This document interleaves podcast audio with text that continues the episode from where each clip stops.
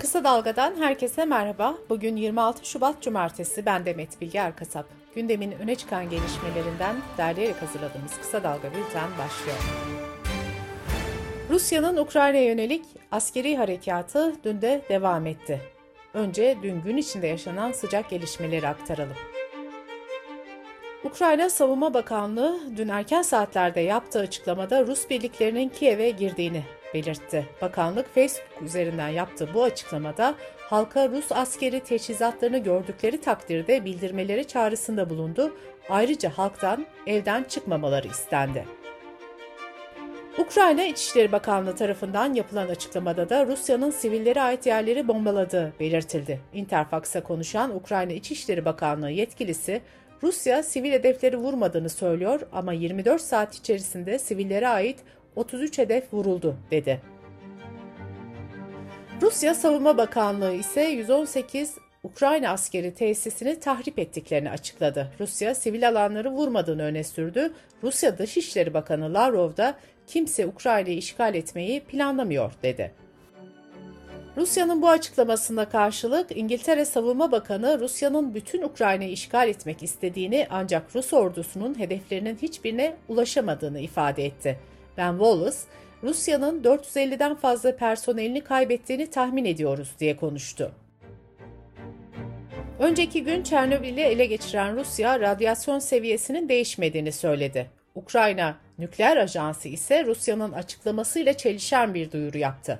Ajans Çernobil'deki radyasyon seviyesinde artış yaşandığını duyurdu.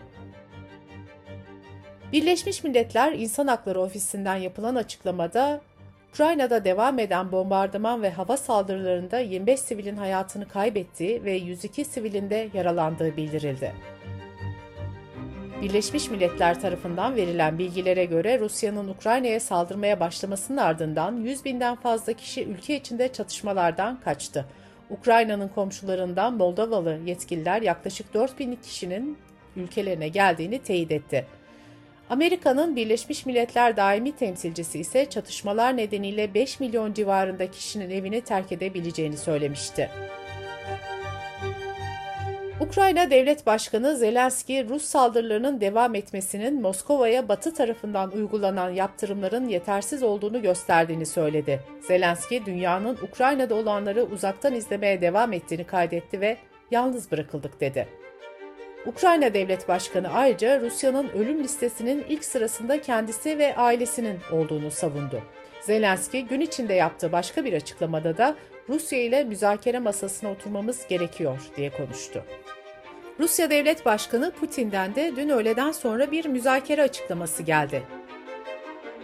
Çin televizyonu Putin'in Çin Devlet Başkanı Xi Jinping ile yaptığı görüşmede üst düzey görüşmelere istekliyiz dediğini duyurdu. Kremlin sözcüsü Peşkov da Rusya'nın Ukrayna ile barış müzakerelerine hazır olduğu yönünde bir açıklama yaptı. Bu haberlerin yayımlanmasından bir süre sonra Rusya Devlet Başkanı Putin yeni bir açıklama yaparak Ukrayna ordusuna seslendi ve gücü ele alın dedi. Putin'in darbe çağrısı olarak değerlendirilen açıklaması şöyleydi. Görünen o ki Kiev'de oturup Ukrayna halkını esir alan bir grup uyuşturucu bağımlısı ve neonaziye kıyasla sizinle bir anlaşmaya varmamız daha kolay olacak.'' Rusya'nın Ukrayna'ya saldırması üzerine düzenlenen olağanüstü zirvede Avrupa Birliği'ne üye ülkelerin devlet ve hükümet başkanları yaptırım paketi üzerinde uzlaştı. Yaptırımlar enerji, finans ve nakliyat alanlarını kapsıyor. Bunun yanı sıra bazı ürünlerin ihracatına ve Rus vatandaşlarına vize verilmesine sınırlamalar getirilmesi öngörülüyor. Rus bankalarının Avrupa Birliği'nden kredi alması veya kredi vermesi mümkün olmayacak. Ayrıca Rus devlet kurumlarının hisselerinin AB içinde ticaretine de izin verilmeyecek. Aynı yaptırımlar enerji sektörü içinde geçerli olacak. Financial Times gazetesi Avrupa Birliği'nin Rusya Devlet Başkanı Putin ile Dışişleri Bakanı Lavrov'a da yaptırım uygulamayı planladığını öne sürdü.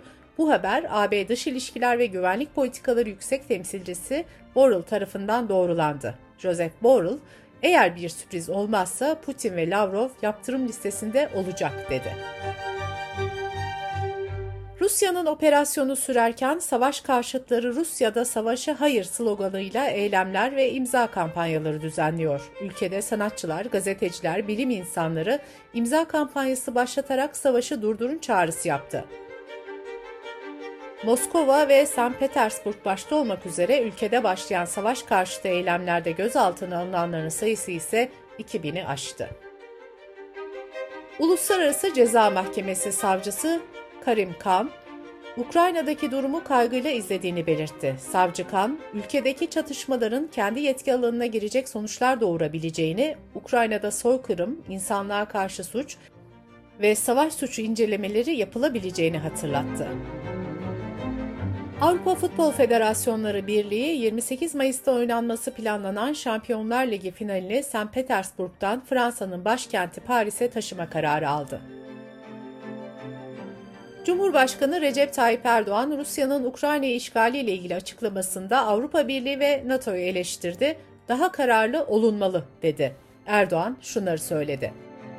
Daha kararlı bir adımı NATO'nun atması gerekirdi. Sıradan bir kınama cümbüşüne dönmemeli. Avrupa Birliği ve bunun yanında batıcı bütün zihniyetler maalesef ciddi kararlı bir duruş sergilemedi. Hepsi Ukrayna'ya bol bol nasihat çekiyorlar. Nasihatla bir yere varmak mümkün değil. Bol bol nasihat çekmek, bol bol kınamak ve bu işi Karagöz Hacivat cümbüşüne döndürmemek gerekir. Dışişleri Bakanı Mevlüt Çavuşoğlu, Ukrayna'nın Türkiye'den boğazları Rus gemilerine kapatması yönündeki talebine ilişkin konuştu. Hürriyet gazetesi yazarı Fatih Çekirge'nin sorularını yanıtlayan Çavuşoğlu şöyle dedi. Ukrayna resmi bir talepte bulundu. Bugüne kadar Türkiye, Montreux Anlaşması'nı tereddütsüz her seferinde uygulamıştır. Boğazlardan savaş gemilerinin geçişini Türkiye durdurabilir. Savaşın tarafı olan ülkelerin gemilerinin kendi üstlerine dönme talebi olursa o zaman ona izin vermesi gerekiyor. Savaş halini hukuken kabul edersek bu süreç başlayacak. İkincisi, savaş halini kabul edersek Montreux bağlamında savaş gemilerinin geçişini yasaklayacağız. Ama yasaklasak da Rusların böyle bir hakkı var. Sırada ekonomi haberleri var. Benzin ve motorine dün yine zam geldi. Dün gece yarısından itibaren geçerli olmak üzere motorin grubuna 1 lira 51 kuruş, benzin grubuna 1 lira 61 kuruş zam yapıldı. Zam sonrası benzin ve motorinin litre fiyatı bazı illerde 17 liranın üzerine çıktı. Rusya'nın Ukrayna'ya müdahalesi yaş meyve sebze sektörünü de olumsuz etkiledi. Doğu Karadeniz İhracatçılar Birliği Yönetim Kurulu Başkanı Saffet Kalyoncu, Rus alıcılar siparişlerini erteliyor. Büyük müşteriler para ödeme konusunda çekimser davranıyor diye konuştu. Kalyoncu, Ukrayna'nın dördüncü büyük pazar olduğunu, burada da ödemelerle ilgili sorun yaşadıklarını dile getirdi. İhracatçılar büyük sıkıntı içinde diyen Kalyoncu, İhracatçı elindeki mal bozulmasın diye bu ülkelere gönderilemeyen ürünleri iç piyasaya yönlendirebilir, dedi. Türkiye İşçi Sendikaları Konfederasyonu Türk İş, Ankara'da hesaplanan gıda enflasyonunun Şubat'ta bir önceki aya göre %7.1 arttığını duyurdu. Türk İş'in açıklamasına göre 4 kişilik bir ailenin açlık sınırı bu ay asgari ücretin 300 lira üzerine çıktı. 4 kişilik ailenin açlık sınırı 4552 lira oldu. Türk İş verilerine göre Ekim 2021'de ilk kez 10 bin lirayı aşan 4 kişilik bir ailenin yoksulluk sınırı ise Şubat'ta 15.140 TL'ye yükseldi. İstanbul Sanayi Odası Yönetim Kurulu Başkanı Erdal Bahçıvan, enerjide artan maliyetlere dikkat çekerek şu çağrıyı yaptı. Sanayicimizin işletme sermayesine katkı sağlamak açısından elektrik ve doğalgaz ödemelerinde vadeli ödeme imkanı getirilmesi ciddi bir destek olacaktır. Türkiye İstatistik Kurumu Şubat ayına ilişkin ekonomik güven endeksini açıkladı. Ekonomik güven endeksi Ocak ayında 100.8 iken Şubat ayında 2.6 oranında azalarak 98.2 değerine düştü. Covid-19 gelişmeleriyle bültenimize devam ediyoruz. Avrupa Birliği'nin ilaç düzenleyicisi Avrupa İlaç Ajansı Moderna firmasının COVID-19'a karşı geliştirdiği aşıyı 6-11 yaş grubu için tavsiye etti. Ajansın aşılar ve ilaçlar hakkındaki incelemeleri sonrası aldığı kararların Avrupa Birliği Komisyonu tarafından onaylanması gerekiyor. Avrupa Birliği'nde şu ana kadar kullanımına onay verilen aşılar BioNTech Pfizer, Moderna, AstraZeneca ve Johnson Johnson firmaları tarafından üretiliyor. Omikron varyantıyla mücadele eden Yeni Zelanda'da bir günde ilk kez 12.030 kişide COVID-19 tespit edildi. Ülkede COVID-19'dan ölenlerin sayısı 61'e çıktı. Yaklaşık 5 milyon nüfuslu ülkede COVID-19 aşısının çift dozunu yaptıranların oranı %94, tek dozunu yaptıranların oranı ise %95. Yeni Zelanda salgının başından beri uyguladığı önlemlerle omikron varyantına kadar en az vakanın görüldüğü ülkeler arasında ilk sıralardaydı. Bültenimizi kısa dalgadan bir öneriyle bitiriyoruz. Profesör Doktor İlhan Uzgel ve Doktor Mühtan Sağlam'ın hazırladığı Dünya Gündemi'nin bu bölümünde Rusya'nın 24 Şubat'ta başlayan Ukrayna işgali ele alınıyor. Uzgel ve Sağlam, Rusya Devlet Başkanı Putin'in Ukrayna'ya yönelik açıklamalarını, işgali ve NATO'nun buna olası yanıtını masaya yatırıyor. Dünya gündemini kısa dalga.net adresimizden ve podcast platformlarından dinleyebilir, YouTube kanalımızdan izleyebilirsiniz.